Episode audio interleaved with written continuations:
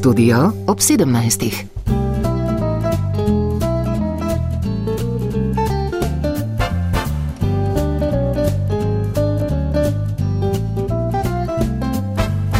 Drage poslušalke, dragi poslušalci, lep pozdrav. Potem, ko smo od Španije prevzeli častno gostovanje na Frankfurtskem knjižnem sejmu, ki bo prihodnje leto, sta v javnosti še vedno negotovost in grenak priokus zaradi posledic menjav na čelu javne agencije za knjigo.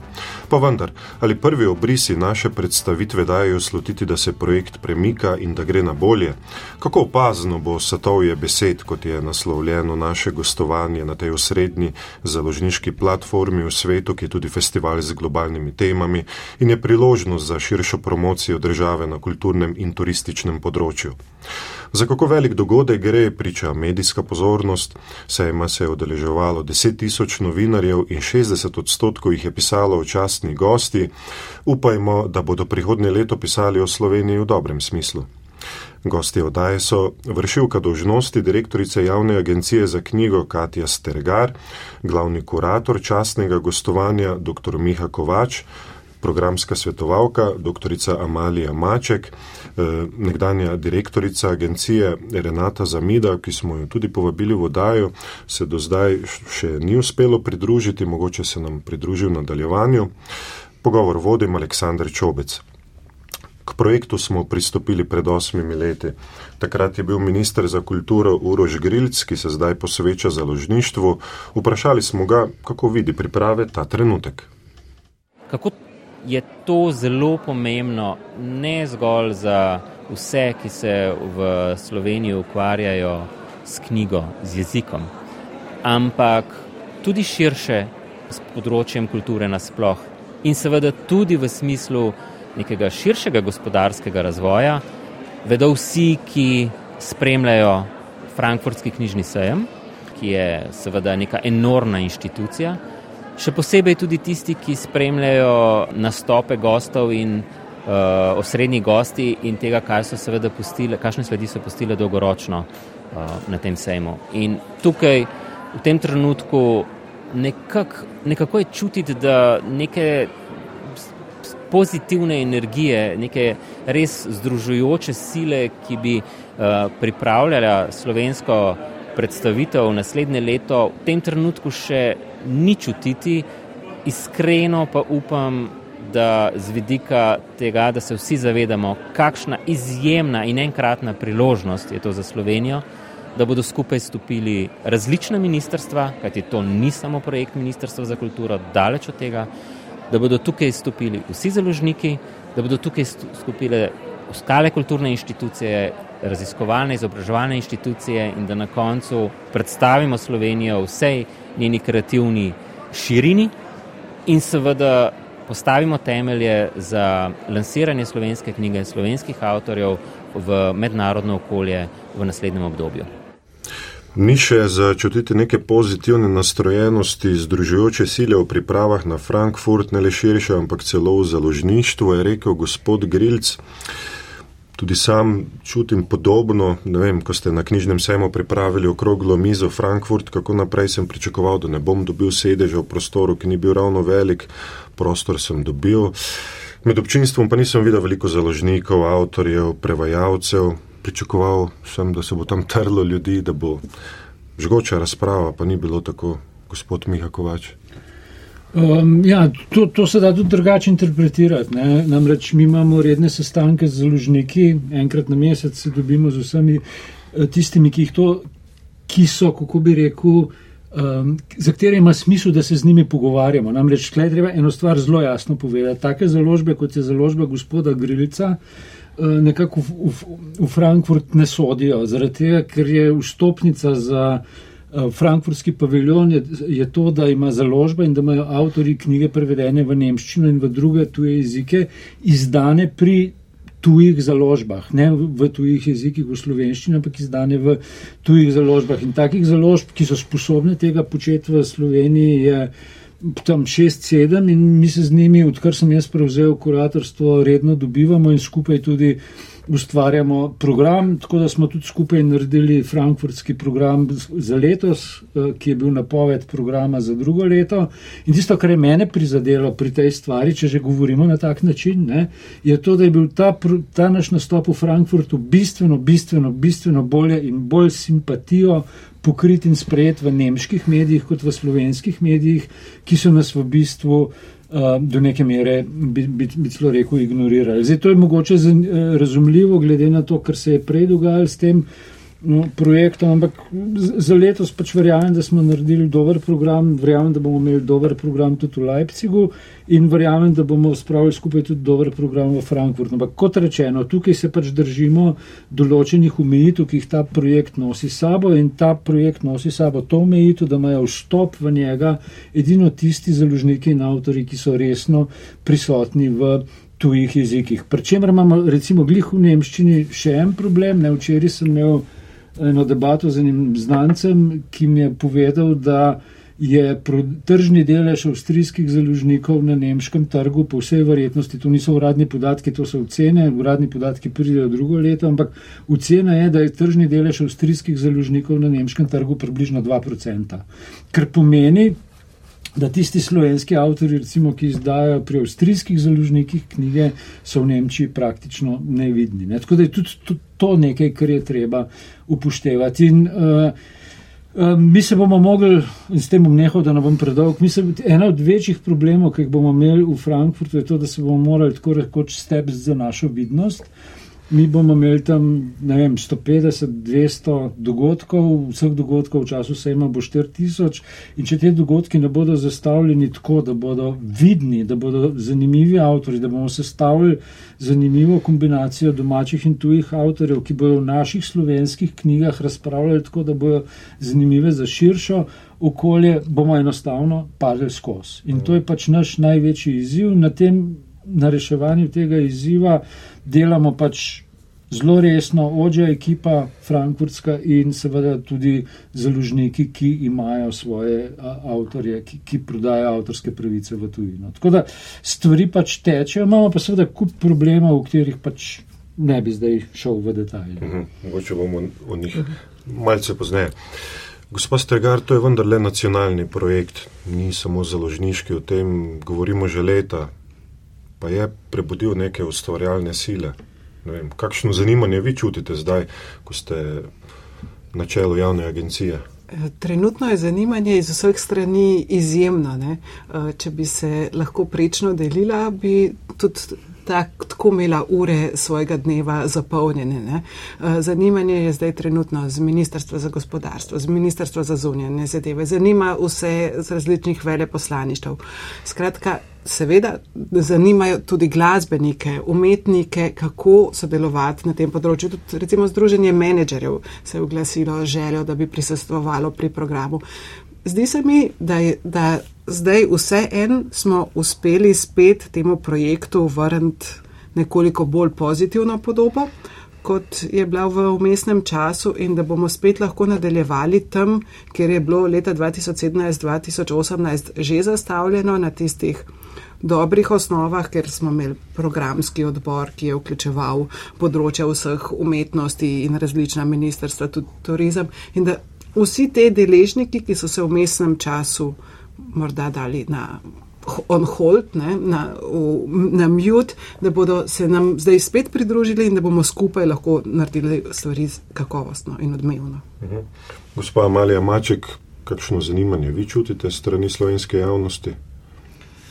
Um, mogoče tukaj je Katja Stekar, seveda tista prva sogovornica, na katero se sedaj vsi uh, obračajo. Mislim, da je marsikdo si oddahnil. Uh, ona uživa uh, zaupanje založnikov, poznajo njeno delo, poznajo kako vestno in natančno je vedno in tudi pošteno delala na jako od samega začetka od 2008. Zdaj, sama sem bolj pristojna za to posredovanje med Nemčijo in Slovenijo in imam mogoče več stikov z nemškimi založniki kot slovenskimi in tudi te se še obračajo. Ne? Torej, na nas po eni strani smo rekli tisto, kar bomo pravic prodali do letošnjega oktobra, to bo to, nihče več se ne bo več odločil, ampak sedaj tudi večje založbe, recimo Aufbau in še nekatere druge, se še vedno odločajo, še vedno sprašujejo za priporočila, tako da mislim, da bo še kar nekaj knjig išlo tudi v nemščini. Mhm. Gospa Renata Zamida, vi ste bili pri projektu od vseh direktorjev najdlje. Kakšno je bilo to zanimanje, ko ste vi vodili eh, agencijo pri teh tudi javnih posvetih? Ne? Koliko je bilo zanimanja izven založniške skupnosti tudi? Ne? Pripravili ste več posvetov, kateri ste, na kateri ste tudi vem, razmišljali o tem, kako naj se Slovenija predstavlja in tako naprej. Um, hvala lepa tudi za povabilo. Um, veseli, da ste mnenja, da imam po dveh letih še kaj relevantnega zapovedati na to temo. Uh, vsekakor sem jaz že na javno agencijo za knjigo uh, z drugo polovico leta 2015 prišla prav z namenom, da se projekt Frankfurt realizira. Uh, takrat so se vzpostavili tudi prvi stiki z vodstvom Frankfurtskega sejma. In potem smo v naslednjih letih začeli zelo intenzivno delati na tem, da se zbudi interes na vseh poljih, doma in v tujini. Doma smo razmišljali zelo široko medsektorsko, kar pomeni, da smo nagovarjali v prvi meri, poleg seveda matičnega ministrstva, STO um, in pa Ministrstvo za zunanje zadeve ter gospodarstvo in takrat tudi nagovorili uh, predsednika države uh, Pahorja, da je postal tudi častni pokrovitelj uh, projekta. Jaz upam, da se bo to častno pokroviteljstvo zdaj preneslo tudi na novo predsednico. Uh, po drugi strani smo pa v Nemčiji poskušali začeti zbujati zanimanje za ciljem postati prepoznavni uh, in postati predvsem, uh, kar se avtoric in avtorjev tiče, uh, literatura vredna prevodov. Torej, prestiž in prepoznavnost sta dva ključna cilja, ki sta bila že v štartu detektirana kot najpomembnejša in mislim, da uh, ta dva cilja ostajata tudi sedaj. Um, doma smo se pogovarjali z ustvarjalci na različnih področjih, um, razmišljali o tem, kako vključiti tako glasbo kot film. Recimo takrat smo prvič začeli sodelovati tudi z Festivalom slovenskega filma in v Portorožu organizirali um, predstavitve knjižnih naslovov, ki bi lahko bili bili potencialno filmični, uh, torej literarne predloge za filme. Um, začeli smo z vrsto posvetov z različnimi sferami, od um, vizualnega, audiovizualnega sektorja do uprizoritvenih umetnosti, uh, sodobni ples, gledališče. Vzpostavili smo kontakt z Martinom Kušejem v, na Dunaju, ga tudi povabili v programski odbor. Um, takrat smo tudi Petra Baroša povabili v programski odbor in seveda tudi um, Mateoža Čelika, oba sta danes uh, na Ministrstvu za kulturo, tako da mislim, da tudi sama uh, razumeta to kontinuiteto in tudi pomen vključevanja drugih sektorjev. Uh, predvsem v nemškem govornem prostoru pa smo organizirali vrsto ciljnih mrežen, kjer smo res povezovali slovenske in nemške založnike, dobesedno iskali matchmaking ena na ena. V to je bilo vloženega ogromno truda, pri tem je od vsega začetka sodelovala tudi Amalija Maček, kar se mi zdi tudi krasno, da je ena sila kontinuitete uh, pri tem projektu, ki ostaja in mislim, da smo jo vsi vse skozi tudi spodbujali k temu. Uh, zelo pomembno se mi zdi, da bo ta projekt nekako uh, pod. Eh, dežnikom eh, Katja Strgar se lahko uspešno razvijal naprej, ki je na vse zadnje na jako vse čas eh, bila upeta v mednarodno sodelovanje in je čisti kriminal, da je bila zadnje leto in pol dobesedno odrezana od tega projekta in vseh informacij v zvezi s tem projektom. In jaz mislim, da še vedno lahko to gostovanje zasučemo v zelo uspešno zgodbo za vse nas z zavedanjem, da je to za Slovenijo enkratna v časovnem smislu res enkratna priložnost, ki je ne bo nikoli več. Izvolite. Mogoče še to treba dodati, ne, da uh, v bistvu se us, uh, uspešnost gostovanja na taki prireditvi, kot je Frankfurt, uh, se ne da narediti v pol leta. Ne. In tist razlog, zakaj sem jaz relativno optimističen za letos, je ravno to, da je odkar je takrat, ko je Renata prevzela jak, da se je začel na tem sistematično delati. In rezultat tega, da se je po letu 2015 sistematično vlagalo v stike med slovenskimi in nemškimi založniki, je to, da bomo danes nekaj deset svežih prevodov, ki jih bomo lahko v Frankfurtu predstavljali. Če tega ne bi bilo pred petimi, šestimi leti, danes ne bi bilo ničesar. Tako da to so projekti, ki so izrazito, izrazito tek na dolge proge. Ja, izvolite, gospod Maček. Um, mogoče bi samo še nekaj dodala, takrat, ko je bila podpisana pogodba uh, s Frankfurtskim knjižnim sejmom um, je gospod Jurgen Bos, direktor Sejma, eksplicitno rekel, da ga je prepričala ljubezen slovencev do poezije in do svoje literature in pa Renata Zamida z ekipo. To je eksplicitno rekel. Zdaj na otvoritvi slovenskega knjižnega sejma prejšnji teden je pa men potem še enkrat rekel, če ne bi bilo Renate osebno, se mi za to ne bi odločilo, ker je ona ustrajala. Uh, in to nekako vrže vse tiste govorice, da je bilo vse že pripravljeno in je potem pod Renato se sam podpisalo in tako naprej, tako da to moram povedati. Ja, to bomo, Mogoče bi bilo to še bomo- nekaj za izvolite. izpostaviti, sem to, da se vrnemo k avtorjem in avtorskim pravicam, kar je Miha prej načel. ne. Um, ena dolgoročna vizija tega projekta je bila seveda dvigniti prodajno ceno avtorskih pravic za slovenske avtorice in avtorje v tujini. Um, jaz mislim, da se to lahko zgodi samo skozi tako velike projekte, kot je ta, ker res takšne intenzivne vidnosti drugače ne dobiš v zelo kratkem času. Zdaj, če jaz primerjalno eh, potegnem uh, pod črto, kaj se dogaja z, z nekaterimi drugimi avtorji, recimo temu vzhodne, jugovzhodne Evrope. Uh, poglejmo primer Kartareska. Uh, njega zastopa tudi za svetovne pravice uh, založba Čolna in njegova založba v Avstriji, ki je sicer del založniške hiše Hanzer. To je ista založba, ki izdaja tudi Draga Jančarja, sicer ga ne zastopa. Ampak Kartaresko so v zadnjih petih letih um, um, predujmi za avtorske pravice, za prevode v tuje jezike zrasli za eno nulo.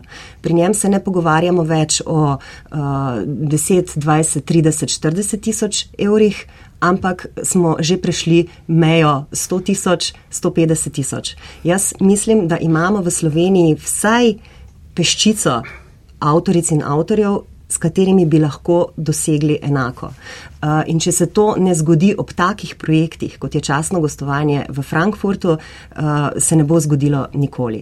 Imamo pa jih, trdno verjamem v to, da Drago Jančar, kljub temu, da piše recimo krajše romane, ni prav nič manj kakovosten, aktualen, uh, pronicljiv avtor, pa še nekaj bi jih lahko našteli. Ja, upam, da nam bo to. Ja, izvolite, gospod Stangaš. Jaz sem hotel samo dodati, da zaradi tega, da bi dosegli ta cilj, ne smo tudi od samega začetka tega projekta vlagali v to, da bi izobrazili tudi avtorje. Ne.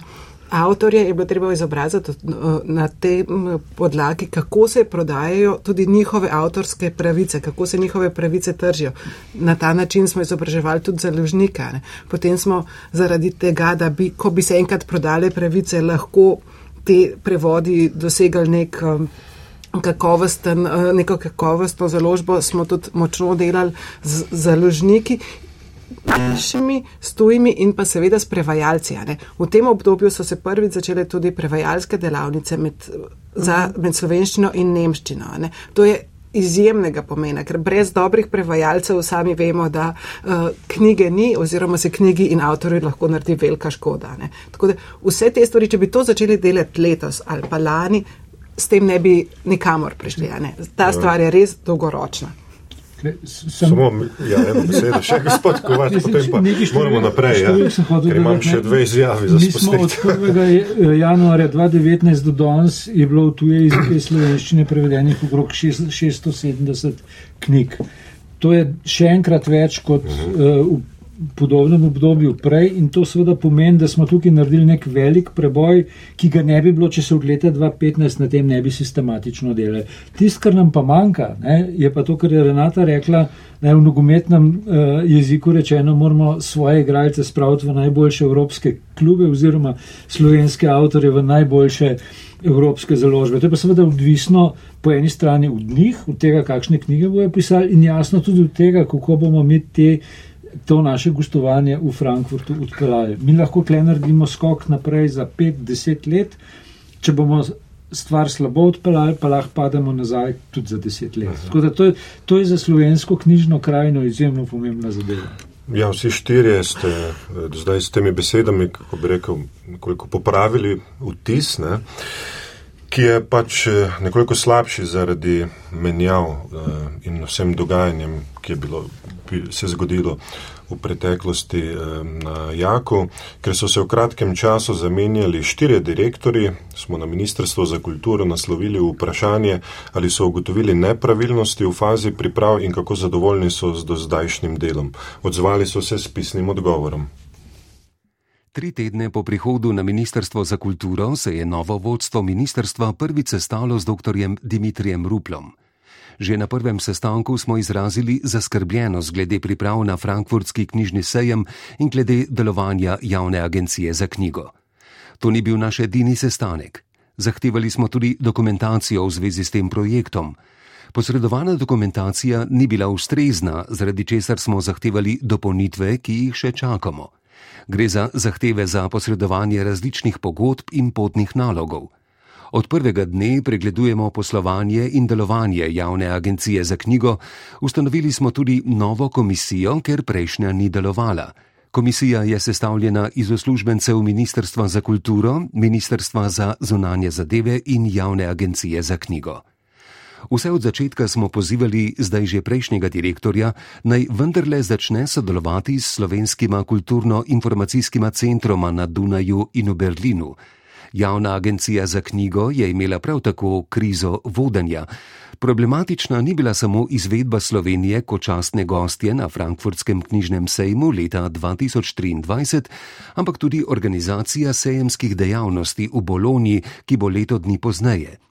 Prav v zvezi s slednjim sejmom smo prejeli več zaskrbljenih pisem združen založnikov in drugih stanovskih organizacij. Če bodo strani novega vodstva Jaka ali ministerstva ugotovljene nepravilnosti v delovanju prejšnjega vodstva, se bomo glede na težo teh nepravilnosti odločili za naslednje korake. Najpomembneje pa je, da nadoknadimo zamujeno pri pripravah na frankfurtski knjižni sejem in ga uspešno izvedemo. Po menjavi vodstva na Jaku se že kažejo pozitivne spremembe. Na Ministrstvu za kulturo verjamemo, da bo gostovanje Slovenije na Frankfurtskem knjižnem sejmu prihodnje leto dobro pripravljeno in izvedeno. Popolnoma zaupamo kuratorju, dr. Mihi Kovaču in vršilki dožnosti direktorja Jaka Kati Stergar, ki ima nudimo in ima bomo tudi v prihodnje nudili vso potrebno podporo. Gospa Katja Stergar, Ministrstvo za kulturo še čaka na dokumentacijo Ali tudi vi čakate na dokumentacijo ali še mogoče ugotavljate kakšne nepravilnosti ali kaj podobnega?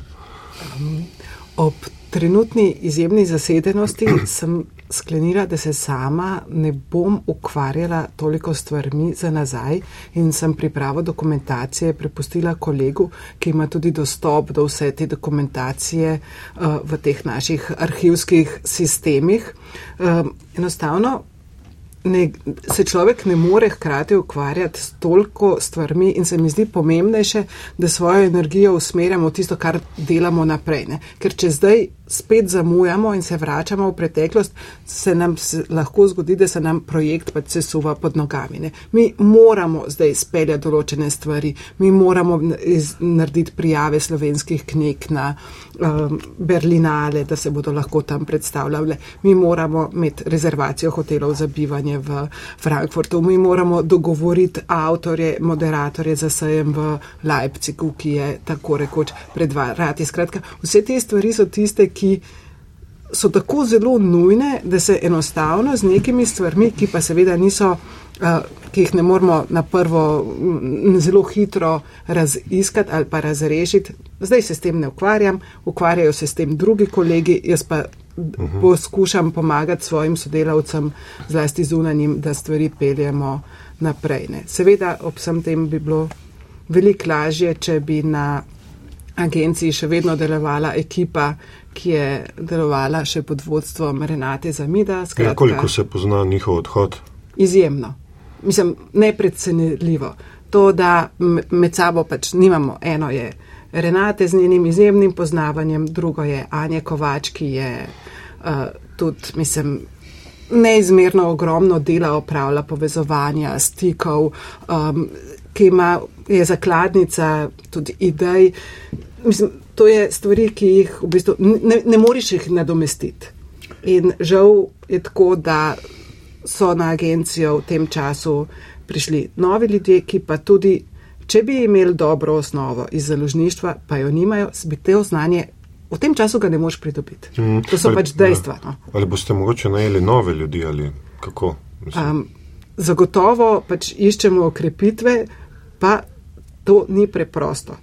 Pač to ni posel, ki ga bi opravljalo v Sloveniji veliko ljudi. Z mm. mednarodnim sodelovanjem na področju literature, zlasti pa še s nemško govornim področjem, to je res peščica ljudi, ki se s tem področjem ukvarja. Ja, iščemo nove ljudi in jih bomo z veseljem pač vklopili v program, ker žal s trenutno kadrovsko zasedbo je stvar precej težko izvedljiva.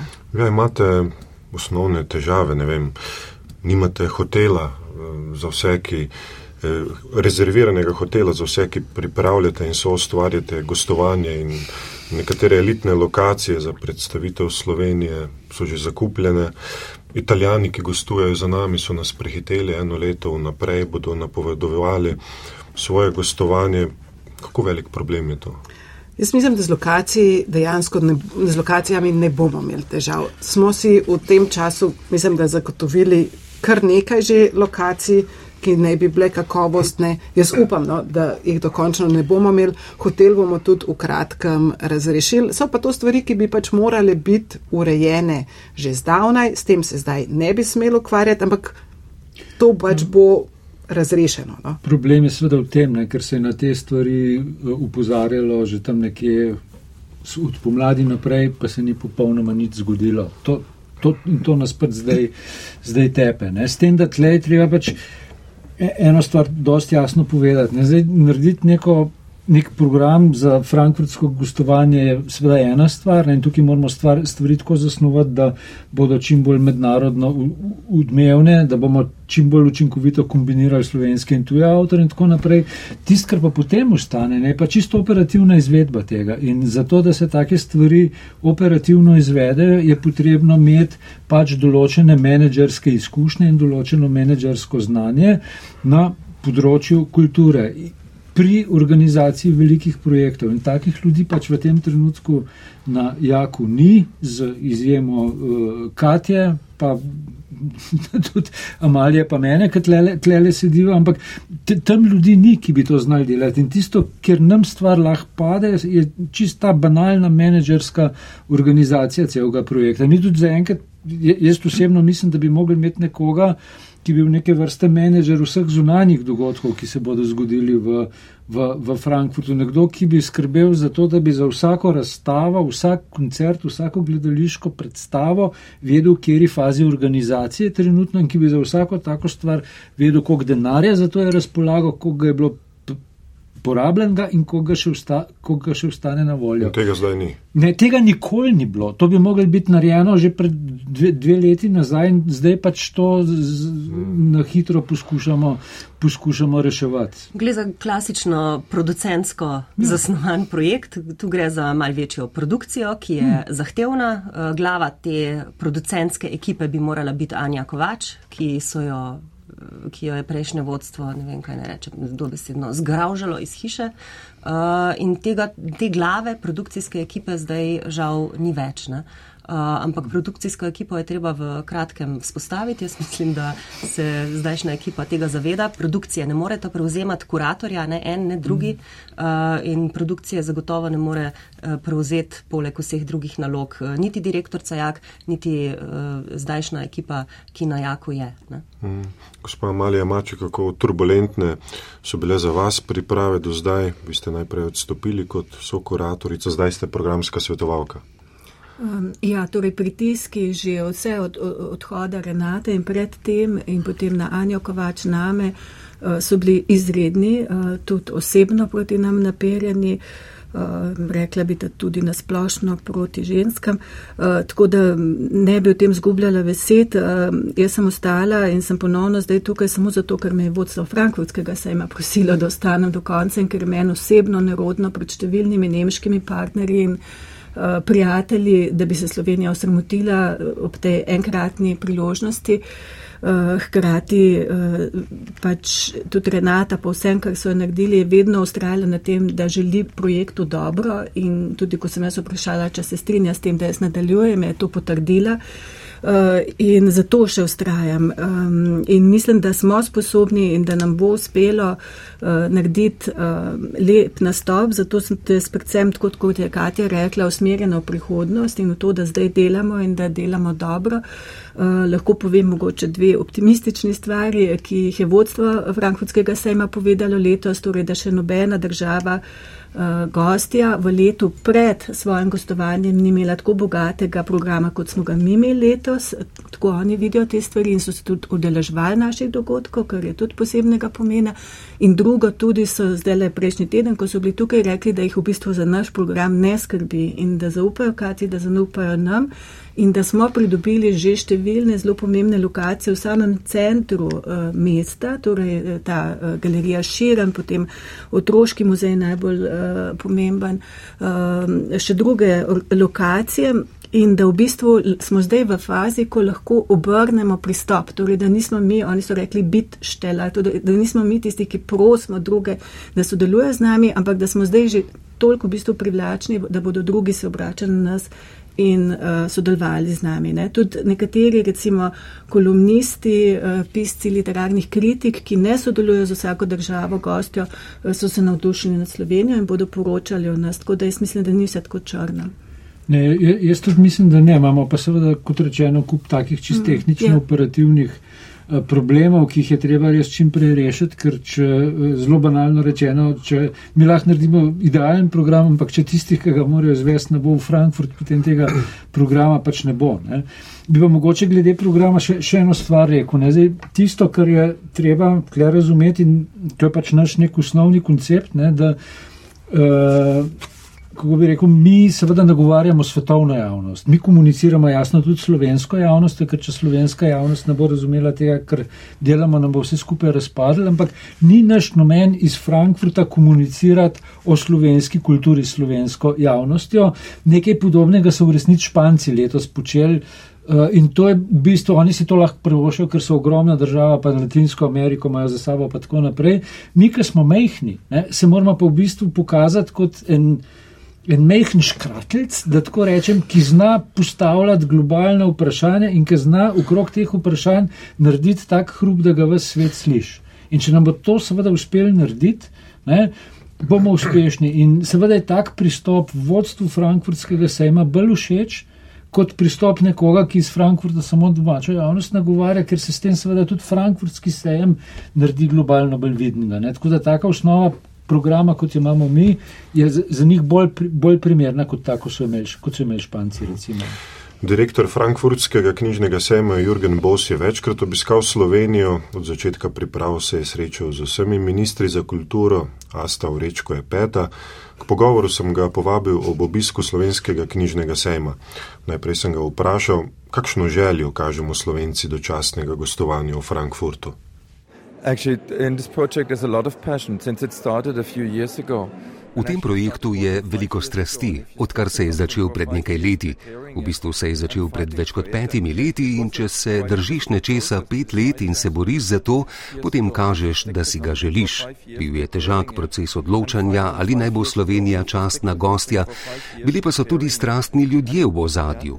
Bili so avtori kot je Drago Jančar, bila je Renata Zamida z javne agencije za knjigo. V ozadju je bilo veliko ljudi, sicer se ne bi zgodilo, da nas loči le še eno leto do začetka. Med razlogi, zaradi katerih so v Frankfurtu izbrali Slovenijo za častno gostovanje, je Bos navedel majhnost. Med našimi posebnostmi pa je že večkrat izpostavil področje pesništva. Um, that we want to have a large country like Spain last year, and then it should be a smaller country. Vedno smo govorili, da želimo imeti veliko državo, kot je Španija, vendar mora na to slediti manjša država, kot je Slovenija. Evropski državi pa bi morala slediti azijska. Odločilno pa je, da mora imeti država nekaj posebnega v literaturi in to se mora preprosto začutiti. In kar čutim pri Sloveniji, česar ni pri drugih državah, se v marsičem nanaša na poezijo.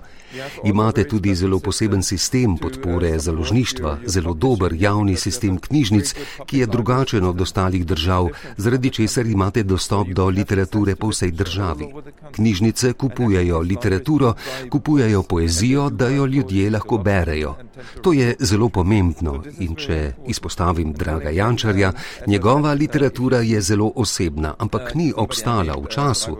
Njegove knjige bodo brane še čez pet desetletij, nekaj zelo posebnega je v njih. On je velik avtor, nima veliko držav takšnega avtorja. As ein großer Autor, I believe. Yeah? And like. Direktor Frankfurtskega knjižnega sejma ni zaskrbljen nad procesom slovenskih priprav na časno gostovanje, kljub menjavam v vodstvu javne agencije za knjigo. Še vedno ga vidim kot razvoj, kot proces. Srečal sem se, mislim, da s štirimi ministri za kulturo, odkar se je pred petimi leti vse skupaj začelo. Vsi so bili zelo motivirani in so ga videli kot priložnost. Z vašo ministrico za kulturo sem imel včeraj dolg pogovor in ponovno sem se srečal z njo to jutro. Veliko je motiviranosti in strasti za ta najpomembnejši projekt v slovenski kulturi v prihodnjih letih. Obstaja velika zavezanost projektu strani založnikov, prevajalcev in avtorjev. Mislim, da si vsi v knjižni verigi želijo ta projekt in to je prvi del. Zdaj pa moramo seči k občinstvu. Tudi v Slovenijo bomo poslali nemške avtorje, saj si želimo, da bi bil to dvosmerni projekt. V naslednjih mesecih želimo ustvariti vznemirjenje in strast za projekt. In mediji boste pri tem odigrali prav tako zelo pomembno vlogo. Z direktorjem Frankfurtskega knjižnega sejma sem se pogovarjal drugič, prvič, ko je bil pri nas leta 2019. Tudi takrat je kot našo osrednjo značilnost, tisto, po čemer smo posebni, kar je začutil in videl, ko nas je obiskal, izpostavil pesništvo. Ali ne bi bilo zaradi tega smiselno poezijo najbolj izpostaviti, seveda pa ob tem ne pozabiti na vse drugo. Na vas letijo kritike, gospod Kovač, da poeziji ne nameravate dati dovolj izpostavljenega prostora. Uh, milo rečeno je to idiotski očitek. Uh, poezija bo vsekakor eden od stebrov programa, um, ne na zadnje tudi zato, ker bomo imeli nekaj izjemnih prevodov. Naslednje leto imeli bomo antologijo slovenske poezije, ki bo šla enkrat poleti ali pa spomladi drugo leto. Tako da ne, ne vem, odkje je ideja, jaz ničesar tacga nisem nikoli izjavil. Uh, vsekakor pa, ne bo pa samo poezija v Frankfurtu, ne, ampak bodo tudi druge stvari. Ne pozabiti, da imamo mi Ljubljansko psihološko, psihoanalitsko filozofsko šolo, da imamo Slavija Žižka, ki je absolutno najbolj prevajan slovenski avtor vseh časov in hkrati svetovna filozofska pop zvezda, ne pozabi, da imamo tudi kar nekaj dobrih eh, romanopiscev. Tako da segmenti pro, programa bojo različni, ampak poezija bo pa sigurno eden od njegovih stebrov. Mene včasih celo malo skrbi, ne, ker imam dva, imam programsko svetovalko Amalijo Maček in so kuratorja Matija Sagerica, ki imata oba zelo rada poezijo in se mi včasih zdi, da, da me kar malo povosta eh, pri tem. Tako da glede poezije ni absolutno nobene skrbi, da ne bi imela izjemno pomembnega mesta v predstavitvi programa. Je pa seveda treba razumeti, da v nemškem literarnem programu, in to gospod Bos včasih sam pove, ne, da pač pesniške zbirke v Nemčiji kupuje nek, nekaj sto ljudi. In če bomo hoteli narediti slovensko poezijo vidno, bomo morali narediti trikrat več hrupa kot pri kakšnem drugem. Drugem knjižnem žanru. Tega se seveda zavedamo in to bomo jasno tudi poskušali narediti. Ja, verjetno so se predvidevam, da pesniki ustrašili tega, ko ste v eni izmed preteklih oddaj rekli, da je pač poezija v svetu založništva obrobna iz tega so To je sklepali, ne. dejstvo. To je dejstvo. V poeziji, poeziji pesniške zbirke niso na lestvicah uspešnic, pesniške zbirke imajo v mnogih državah zelo, zelo, zelo malo bralcev. To so pač statistična dejstva, ne? ampak to še ne pomeni, da mi ne bomo pač poezije predstavili kot enega od svojih, od svojih eh, programskih stebrov. Ne smemo pa tiščati glave v pesek pred, tem, pred dejstvom, da je pač poezija v mnogih kulturah bistveno bolj marginalna kot v Sloveniji, ker če, bi, če bomo pred tem tiščali glavo v pesek, ne bomo svoje predstavitve izvedli tako, da bomo, imeli, da bomo s poudarjanjem poezije dosegli določene učinke. Poezija je bila od vsega začetka neke vrste rdeča nit. Uh, v bitbooku, ki smo ga napisali in oddali leta 2016, pri katerem je sodeloval tudi uh, Miha, uh, smo izpostavili to kot nek uh, osrednji steber. Bitbook smo tudi naslovili z uh, verzom iz Kocbekove pesmi o sosed na oblaku in s tem tudi potem uh, nekako delali naprej. Vedeli smo, kajti ta velika antologija, ki bo zdaj izšla pri Hanzerju v sodelovanju z Nemško akademijo uh, slovenske poezije, uh, nastaja že štiri leta, um, da bo išla takrat ena zelo velika in pomembna knjiga. Vemo, da imamo kupico zelo unikatnih, uh, odličnih pesniških glasov, ki so dobro poznani tudi v nemškem prostoru. Če samo omenim um, um, Anjo Golob, ki je tudi odlično nemško govoreča, uh, ali pa nekaj mlajših avtoric, ki bi jih bilo nujno zdaj tudi treba izpostaviti.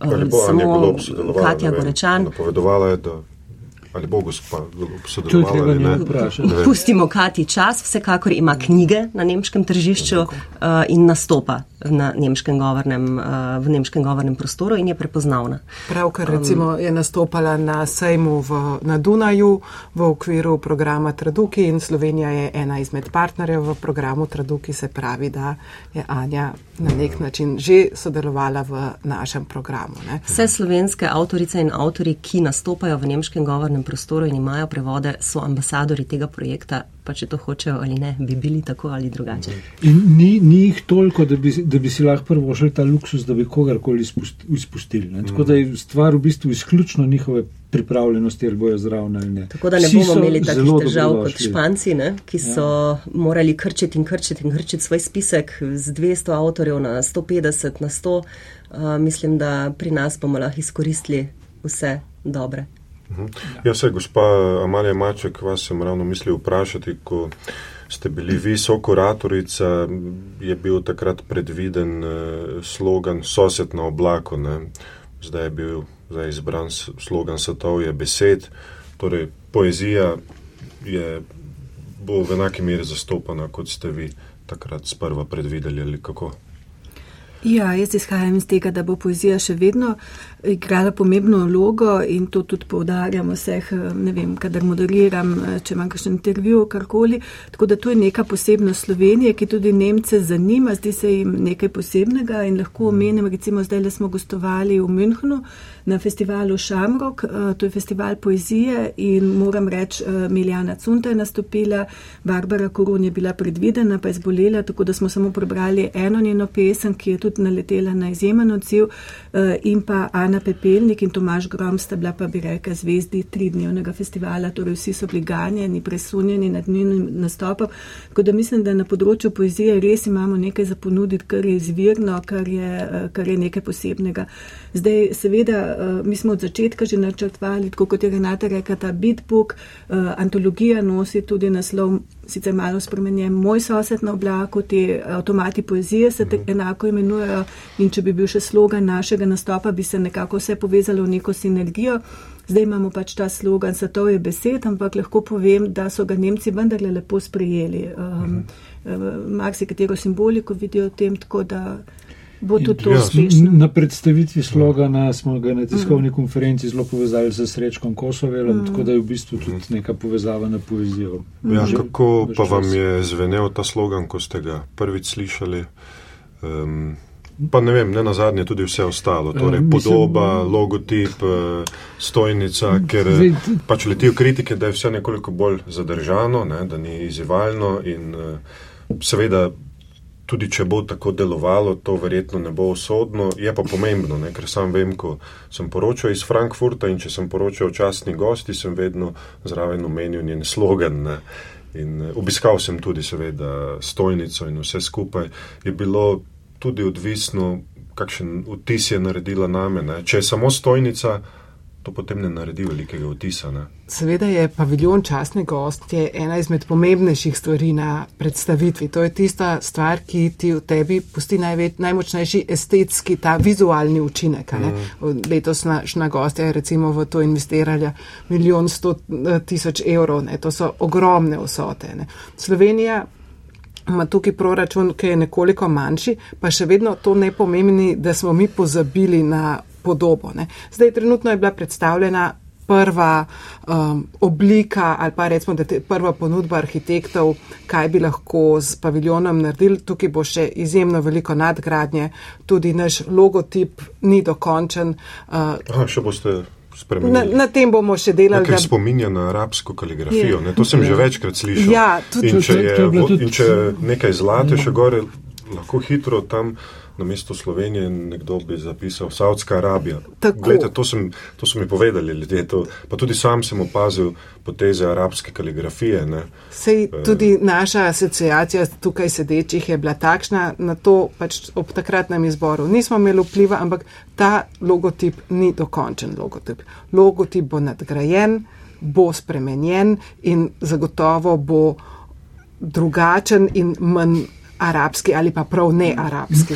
To je tipičen primer zgodbe, ne, kako v bistvu kako pride do problemov, če ljudje ne poznajo frankfurtskega sejma. Ne? Ker tak logotip bi bil za interno slovensko rabo mogoče čisto redo, ampak v Frankfurtu je pa iz tega rata v štos. Ne? Ne vem, knjižni sejem v Šarži ima nov logotip, ne? ali pa nagrada Šejka Zajeda ima nov, ima nov logotip in to moramo, to moramo popraviti, drugače se bomo pač zgubili, zgubili slogana, pa pač ne moramo več kaj do, nič spreminjati, imamo pač proba iz njega potegniti čim več in je, intenzivno delamo na tem. Je pa res, da ta slogan nudi precej veliko interpretacij, ja. kar je dobro. Besed, ja. Tako, ja. Ja. Tudi zdaj ja. prevodi so boljši, kot so bili na začetku predlagani, tako da recimo, da nekoliko bolj učenkuje, ampak ne, zdaj pač slogan imamo in ravna ta možnost interpretacij nam da tudi možnost, da vsakemu ponudimo nekaj drugega. Ne. Ljudje res vidijo toliko različnih stvari v njem, tako da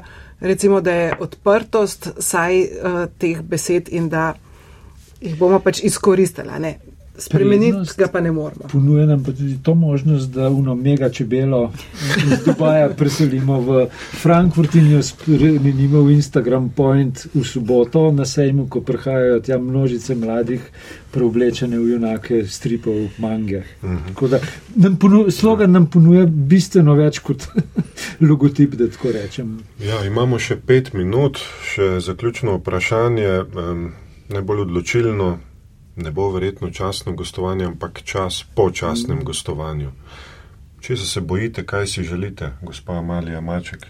Ja, izkušnje Frankfurtskega knjižnega sejma kažejo, da če je dobro izveden nastop, se v bistvu učinki pokažejo šele po samem nastopu v Frankfurtu.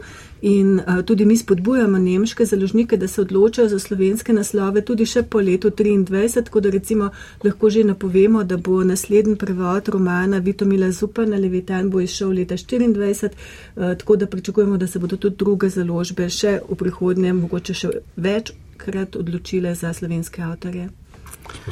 Moj največji strah je, da bo proračun javne agencije za knjigo nižji tako nižji, da ne bomo mogli vseh teh uh, sadov, ki jih zdaj uh, mislimo zasaditi, bolj požetne. Skratka, da ne bomo mogli sofinancirati dovolj prevodov.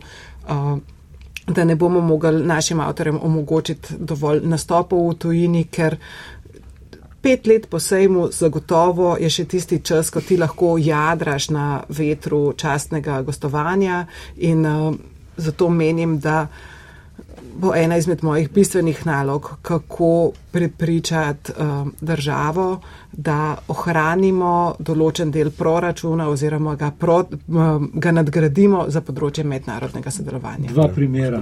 Brazilija je potem, ko je bila častna gostja, ukinila svoj centr za knjigo praktično pol leta zatem. Gruzija enako. In ja, Ja, in brazilskih, v brazilskih, Sloveniji, ne? brazilskih knjig danes ni več ne, v, v prevajalskem okolju. V Gruziji imajo podobne politične boje okrog njihove javne Mhm. agencije za knjigo, kot smo jih imeli pri nas, takrat, ko so Ja. odstavili eh, Renato, imamo pa na drugi strani Finsko, ne, ki je uspešno potegnila kontinuiteto in na eh, knjižnem sejmu je, smo imeli predavanje Urpo Strelman, direktorica Helsinki Book Agency, ki je zelo lepo povedala, da pač se je pri njih prodaja knjig v tujino dvignila in na finskem se zdaj obrne približno 4 milijone evrov z prodaja avtorskih pravic na tuje. Če bi mi bili na recimo polovici tega, čez 7-8 let bi lahko rekli, da, da se nam je ta denar, še, ki smo ga vložili v Frankfurt, še kako obrestoval. Je pa tukaj treba seveda kup stvari narediti, ne gre samo za to, da država še naprej eh, financira eh, promocijo svoje knjižne produkcije v tujini. Zelo važno je tudi, kako se obnašajo založniki. Recimo, en tak zelo lep zgled je Helsinki Literary Agency, ki so ustanovile štiri filmske založbe, zato ker so ocenili, da skupaj lahko prodajo bistveno več pravic v tujino in prodaja avtorskih pravic seveda ni nekaj, kar bi lahko počela država ali pa javna agencija za knjigo, ker so to pač podporne službe. Javna agencija za knjigo bi lahko pomagala taki avtorski agenciji, ampak ne, če tega ni, če ni pripravljenosti založb na, na, na, na sodelovanje, če, te, če ne, ne znamo razumeti, da skupaj lahko na tem področju dosežemo več, če ne vidimo perspektive dolgoročne od tega, kar bomo dosegli v Frankfurtu, potem bo šlo pač vse skupaj v nič. Če bomo ravno obratno pri tem ravnali pametno, lahko pridemo recimo v nekaj, nekaj letih do tega, da se bomo pokrili, ko bomo izvažali avtorske pravice v tujino. Imamo še samo nekaj minut, gospa Zamida, zaključna misel. Zagotovo bo največja nagrada za slovensko literaturo, če bodo avtorice in avtori našli založbe, ki jih bodo izdajali tudi naprej. Če bodo našli založbe, ki bodo še naprej iskale po prihodnih slovenskih založniških programih vsebine, ki bi si jih želeli prevajati. Uh, in tako kot je prej rekla Katja, tako kot je rekla Amalija, uh, ta efekt častne gostje traja še nekaj let, vredno ga je izkoristiti in ob tem ne pozabiti na Bolonijo. To je pa bilo gostovanje, ki so si ga založniki strašno močno želeli že leta in leta in to, da smo jih potem motivirali tudi k Frankfurtu, smo lahko naredili tudi s tem, da smo rekli, tudi v Boloniji bomo častna gostja. Naj se ne pozabi na to. Gospa Stregar, Bolonija. Uh, Bolonija je tista točka, ki je meni osebno najbližje, ker se vsa leta svojega profesionalnega življenja ukvarjam z otroško in mladinsko literaturo, tako da jaz bom res naredila vse in delam vsta čas vse, da bi bilo tudi to gostovanje kakovostno in odmevno, vendar pa tukaj bomo pa res rabili dodatni proračun in kakšno kadrovsko okrepitev, da bomo stvar lahko izvedli. S tem bomo zaključili. Oddajo smo namenili pogledu na častno gostovanje Slovenije na Frankfurtskem knjižnem sejmu, ki bo prihodnje leto. Gostje so bili vršilka dožnosti direktorice javne agencije za knjigo Katja Stergar, nekdanja direktorica agencije Renata Zamida, se nam je pridružila med oddajo, glavni kurator častnega gostovanja dr. Miha Kovač in programska svetovalka dr. Amalija Maček. Za tehnično izvedbo je poskrbel Grega Žumer, oddajo sem vodil Aleksandr Čobec. Srečno!